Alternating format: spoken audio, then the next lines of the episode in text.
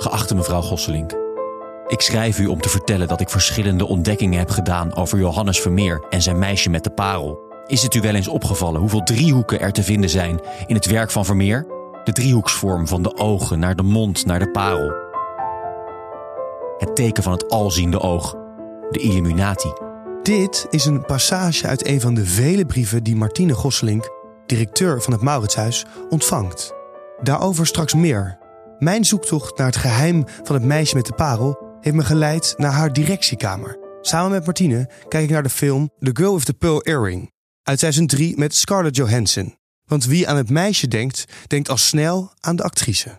Spanning en sensatie, de deur open. Nou, ik vind de interieur, uh, de, wat we nu zien, hoe ze binnenkomt, licht, donker. Het is allemaal heel erg in de stijl van Vermeer zelf. Maar, oh, nu zien we Scarlett Johansson even... Oh, zwijmel, zwijmel. Ja, wel een, een, een, snoepje om naar te kijken, hè? Vind je er een beetje lijken op het meisje de pauw? Haar lippen zijn te vol. Uh, de ogen zijn wat flats. Ja, maar ze heeft een prachtige gezichtsuitdrukking. Dus, uh, en dat heeft het meisje ook. Blue and grey. De breekbare stem van Scarlett Johansson kun je er blindelings uitpikken. Maar over de echte stem van het meisje weten we weinig. Ze sprak in ieder geval geen Engels. Of misschien toch wel. Want wie is het meisje? Waar komt ze vandaan? Waarom heeft Vermeer juist haar geschilderd? En wie is dat andere meisje met de parel in Amerika?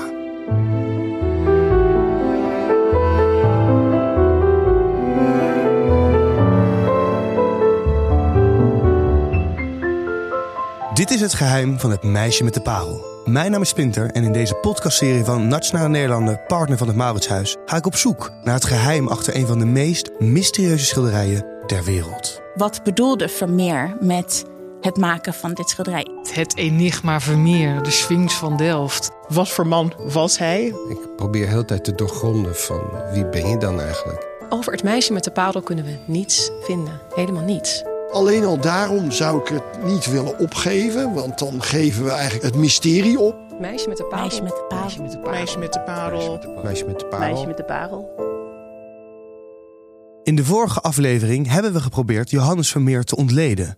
Maar hoe verder ik ging graven, hoe meer vragen de Sphinx van Delft opriep. Maar een van de belangrijkste vragen hebben we nog niet ondersteboven gekeerd. Namelijk, wie is het meisje?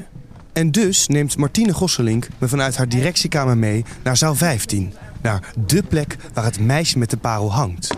Daar maak ik echt kennis met het schilderij. De hele ruimte wordt als het ware naar het kunstwerk toegetrokken. Samen kijken Martine en ik naar het meisje. We zijn even stil en dan begint Martine te vertellen over het wezen op het doek. Zij draagt een tulband.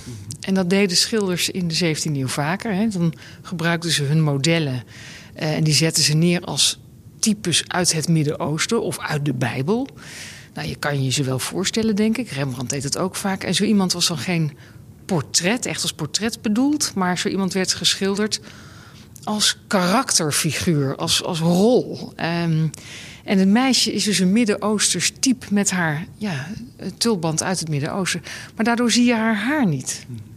En ik weet uit de psychologie dat alles wat je niet ziet, vul je in. Nou, jij kan dus zelf onbewust haar gaan inkleuren. Heeft ze rode krullen? Heeft ze blond stijl haar? Heeft ze ravenzwarte uh, lokken? You don't know. Maar dat maakt dat zij multi-interpretabel is voor een heel breed publiek. Nou, ik vraag me af, want we staan nu in de, in de, de zaal, zaal nummer 15. Een, een donkere kamer, kan ik wel zeggen. Alsof de schaduw hier alleen maar mag zijn. Uh, het is donkergroen ook van binnen. Meestal kunnen mensen haar hier voor het eerst ontmoeten. Wat was voor jou de eerste keer dat je het meisje met de parel zag? Op, in de afbeelding of in het echt? Ik weet het nog toen ik hier uh, eerst voor het eerst kwam en ik studeerde. Het zal 91 geweest zijn, misschien 90, ik weet niet meer precies het jaar. Maar dat ik haar voor het eerst zag. En dacht van, jee, zij kijkt naar mij. En dat doet ze dan ook nog eens een keertje um, met haar lippen een beetje open. Tikje spannend, maar ze is tegelijkertijd ook heel bescheiden. Ze is ook heel kwetsbaar, lief, bescheiden, uh, opmerkzaam, een beetje nieuwsgierig naar jou. En al die verschillende uh, elementen, die maken dat zij inderdaad voor iedereen... Ja, als een bloemetje is dat openbloeit. En jij bent daar bij die split second, daar ben jij getuige van. Alles zit verborgen in die blik. Martine vertelt dus dat het meisje geen portret is, maar een karakterfiguur. Haar gezicht is gaver dan gaaf. Geen moedervlekken, littekens of sproeten. Het meisje is dus een zogeheten tronie. Zowel in de boedelinventaris van Vermeer als in de veiling van de erfenis van zijn voornaamste verzamelaar Pieter van Ruiven, die het merendeel van zijn doeken bezat, wordt melding gemaakt van meerdere tronies. Of het meisje met de parel een van die werken was, weten we niet. Maar Vermeer maakte dus meerdere karakterkoppen. Koppen die de blik van de toekijker op kunnen zuigen. Ik zie in jouw blik dat ik mag beginnen. Oké. Ja. Die blik van het meisje met de parel, ik wil daar meer over weten. Want misschien vinden we daar wel een aanwijzing. In de podcaststudio praat ik daarom met curator Nathalie Machesa, een van de oprichters van de blog De Kunstmeisjes. In 2019 publiceerde zij haar eerste boek. Wie op de cover stond? Precies, ons meisje. Het eerste wat in mij opkomt als ik nu nog steeds vaker naar haar kijk, is dat het eh, een verleiding is dat roept zij bij mij op. En dat heeft Vermeer meesterlijk gedaan. Want je ziet die vrouw die kijkt je aan en maakt direct oogcontact met jou. Haar mond is een beetje geopend, een soort fishcape. Heel verleidelijk. Fotomodellen doen het tegenwoordig ook. Een mond wordt voller, wordt uh, sensueler. Dat doet zij ook. En dan in die hoek aan het oor hangt dan zo'n hele grote, dikke parel. En Eigenlijk is het maar een heel klein oppervlak waar je oog naar wordt gestuurd. Het is een driehoekje van de ogen naar de mond, naar de parel en dan zo heen en weer. En dat is niet zomaar dat wij daar naar kijken. Want waarom kijk je daar naar en niet naar de linkerbovenhoek of uh, naar de rechteronderhoek? Vermeer heeft met hele kleine glimlichtjes, een beetje witte verf, heeft hij precies op die plekken het oog, de mond en de parel van die glimlichtjes aangebracht. En dat is dus niet zomaar. Een schilder doet niks zomaar. Met zulke accenten stuurt hij ons oog. Hij weet hoe wij werken, hoe ons brein werkt, hoe ons oog werkt wat prikkelt ons? En wij zijn allemaal kleine extertjes. Als iets glinstert, dan kijken we ernaar. En dus dan word je eigenlijk in dat hele kleine universumpje, dat driehoekje van de meisje met de parel, word je daar naartoe gestuurd. En blijf je hangen. Waar ga jij dan, waar blijf jij het meest op hangen? Parel natuurlijk. ja? Zo'n joekel van een ding. Ik bedoel, ik zou het niet kunnen betalen, denk ik. ik denk dat Vermeer ook niet. Waarschijnlijk is het een, een glazen uh, oorbel die beschilderd is om het te lijken op een parel. waar, ja? Oh. Ja, waarschijnlijk wel. Het is natuurlijk zoiets was hartstikke duur. Maar ja, dat trekt mijn aandacht vooral door de vraag: hoe komt dit meisje aan zo'n mooi sieraad? Ook al is het meisje met de parel een karakterkop, iemand moet model hebben gestaan. Iemand moet plaats hebben genomen voor dat donkere groene gordijn. Je weet wel, dat gordijn dat pas onlangs ontdekt is door Abby Wendeweer. Wie kan het meisje zijn geweest?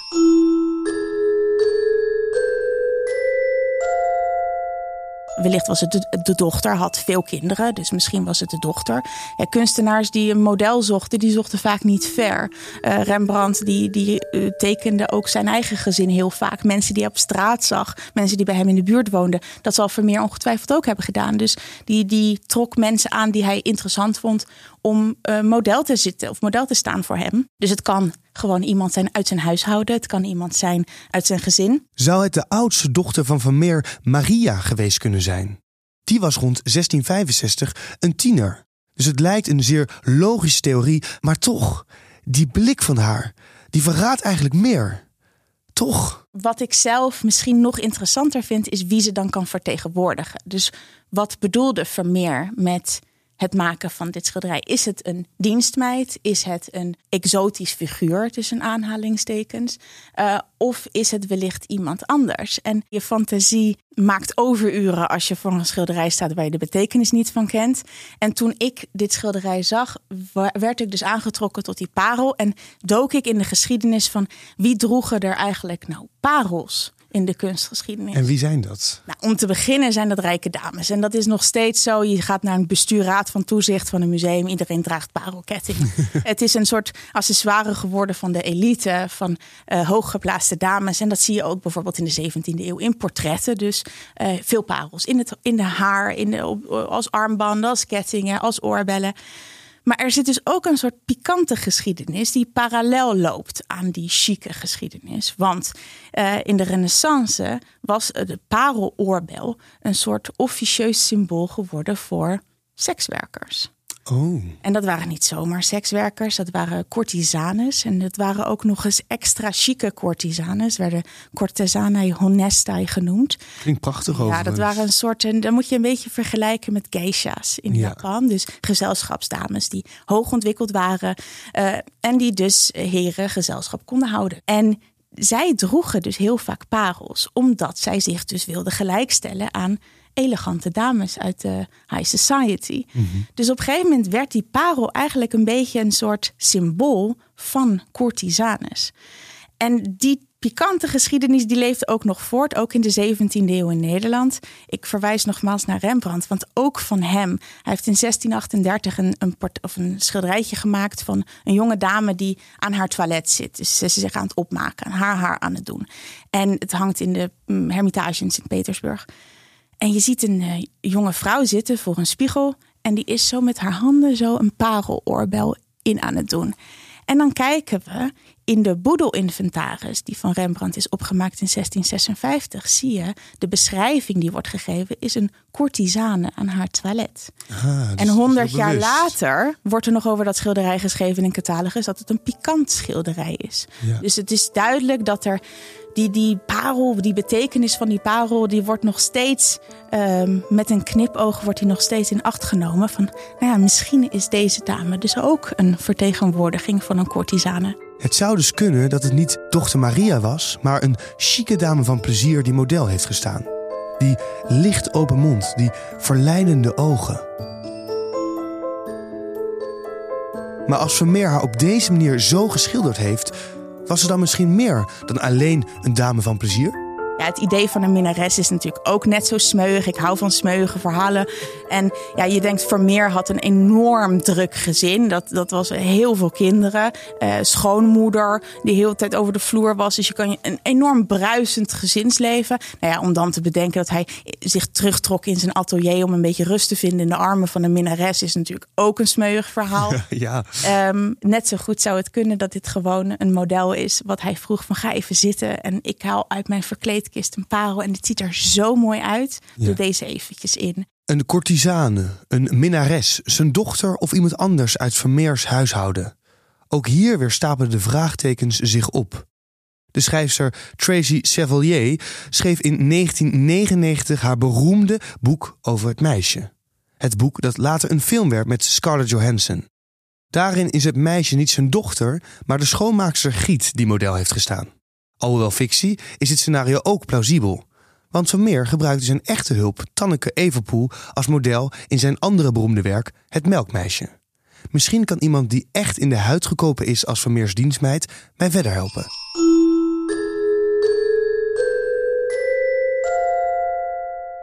Ik zie, het hier, ik zie hier dat je natuurlijk, je draagt een parel. Ja. Eh, maar we zien natuurlijk maar één kant van het gezicht. Had je tijdens de voorstelling dan aan één kant een parel Ja. hangen? Of aan allebei de kanten? Nee, één. Oh, je hebt ervoor gekozen om aan één kant een parel te hangen. Ja, want ze had geen gaatjes. Ja. Dus ze moest ook echt ehm Het oor piercen. Mhm. En dat gaat, als het maar aan één kant zichtbaar is voor een schilderij... kan me niet voorstellen dat ze dan in dat andere oor ook een gat zou... eh, Het was al pijnlijk genoeg. Actrice Larissa de Keizer van het Middelburgs Theater kroop als enige Nederlander in de huid van Giet. En net zoals Scarlett in die film liet ook zij haar oor piercen voor die gigantische parel. Door de theaterrol kreeg Larissa een intieme band met het meisje. En zij voelde dan ook bepaalde kenmerken tijdens het spelen. Kenmerken die ons in de juiste richting kunnen duwen. Voel me wel verbonden met haar. Het was ook wel de periode dat eh, onze kinderen eh, nog, nog vrij jong waren. En ehm, ja, die dachten dus ook echt dat ik heel erg beroemd was.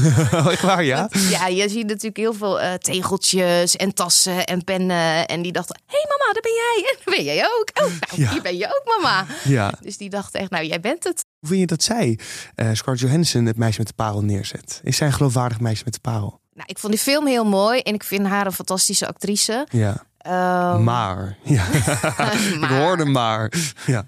qua leeftijd weet ik gewoon niet of dat het helemaal Mhm. eh, passend is. Omdat ze misschien naar mijn idee, en dat is voor mezelf al helemaal, want ik was 35 toen ik er speelde, dat ik dacht van nou, kan eigenlijk niet, maar Ja, voel maar. dat zo? Ja. dat ik wel zeg van nou, dit is wel de laatste keer dat ik denk dat ik me hier nog comfortabel bij voel om het meisje te spelen op een bepaalde leeftijd. Want in jouw ogen is het meisje een, een, een, echt een jong meisje. Jonger, ja, ja. En ook jonger dan Scarlett Johansson was op Ja. dat moment. dat denk ik. En voor de, en voor de hoe, hoe zij. Ze zet natuurlijk op een bepaalde manier neer. Ze is ook een beetje onzeker af en toe.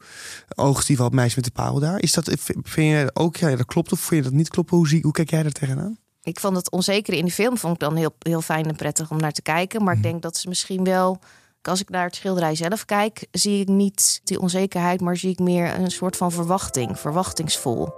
Vol verwachting en jonger. Zo voelt Larissa het. Jonger dan Scarlett Johansson, die 18 was toen de film werd gemaakt. Dus zo komen we uit bij een meisje van 13, 15 jaar. Was het dan toch zijn dochter? Qua leeftijd zou zij een van de dochters kunnen zijn. Eh, hij had veel kinderen. Ehm, mensen gebruiken continu hun familieleden als modellen voor deze tronies. Dus het kan best zijn dochter zijn. Maar ja, ook misschien wel zijn buurmeisje. We weten het gewoon niet. Hoe belang is het eigenlijk juist wel misschien wel heel erg leuk dat we het niet weten, waardoor ze ook, wat je zei, net als haar haar, ze eigenlijk alles kan worden. Nou, dat is de magie van dit werk. Het enigma Vermeer, de Sphinx van Delft. Dat enigma blijft iedereen bezighouden. Want hoe kan het nou dat we bijna niks weten over Vermeer of over het meisje? Dat kan gewoon niet.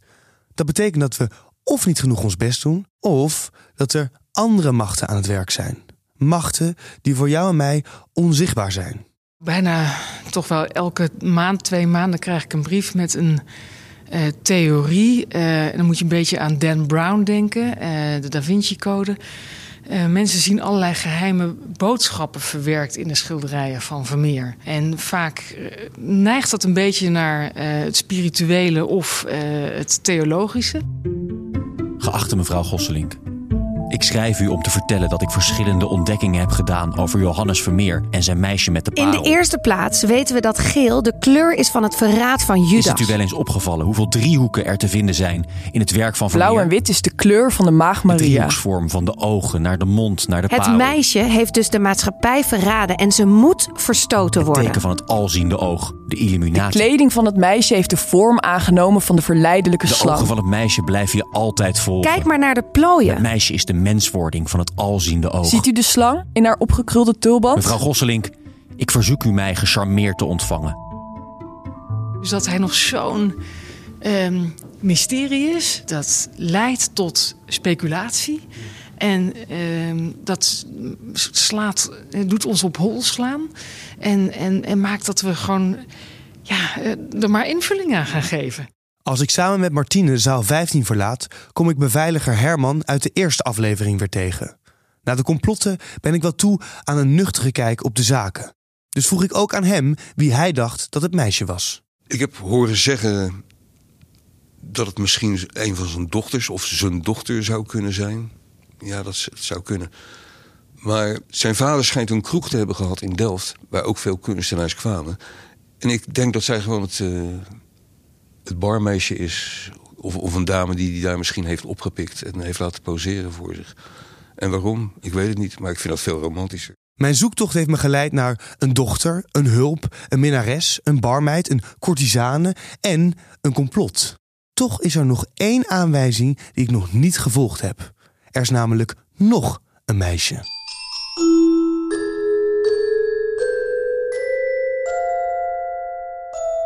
Een meisje geschilderd in dezelfde tijd met precies dezelfde afmetingen en dezelfde omkijkende houding. Dezelfde soort kleding en een parel. Haar naam? Het meisjeskopje. Tegenwoordig hangt het werk van Vermeer in New York in het Metropolitan Museum. Heeft het meisjeskopje dan misschien model gestaan voor ons meisje met de parel? Ik denk dat we daarvoor weer moeten teruggrijpen naar het concept of de overtuiging dat kunstenaars vaker hetzelfde model gebruikten. Het is niet uh, Vermeer alleen, maar dat je eigenlijk dezelfde vrouw of man herkent in meerdere schilderijen. Dus jij vindt het, als ik je goed hoor, wel aannemelijk dat het misschien zou kunnen zijn dat het hetzelfde meisje is wat we daar zien. Dat zou kunnen. En ook het feit dat het een, uh, eenzelfde kleding draagt. Of zo. Ja, dat is ook het idee als ja, een kunstenaar iets goed vindt. Bijvoorbeeld, hij heeft een idee. Hij zegt: ik, doe, ik wil een meisje schilderen of tekenen met een hoofddoek om en met een pareloorbel. En dan zegt hij: Oh ja, dit werkt wel goed. Ik ga het nog een keer doen ik ga kijken, misschien ga ik er toch nog iets anders van maken. Toch die houding anders. Of misschien er iets omheen schilderen. De blik anders of de mond anders. Ook het meisjeskopje roept met haar ogen een interactie op met de kijker. Alleen is ze niet zo mooi en verleidelijk als het meisje met de parel. Het is echt nog een kind. Maar het kan dus goed zijn dat Vermeer van het meisjeskopje een ideale versie heeft gemaakt. Wie er dan model stond voor het meisjeskopje? De meeste geleerden wijzen dan weer in de richting van Vermeers dochter, Maria. Vermeer schilderde met het meisje met de parel zijn grootste meesterwerk. Maar welke weg het schilderij heeft afgelegd, ook dat is een mysterie. Hij maakt het werk ergens rond 1665. En dan uh, weten we eigenlijk niet waar ze geweest is. Tot in 1881 een veiling plaatsvindt in Den Haag. En het wordt nog spannender. Er zou een kwitantie zijn geweest van die veiling. En die is kwijt. Die is niet te vinden. Hoe dat zit en hoe de Amerikaanse Tracy Chevalier van het meisje een wereldster maakte hoor je in de volgende aflevering van Het geheim van het meisje met de parel. Dit is een podcast van Nationale Nederlanden, partner van het Mauritshuis en supporter van alle kunstontdekkers.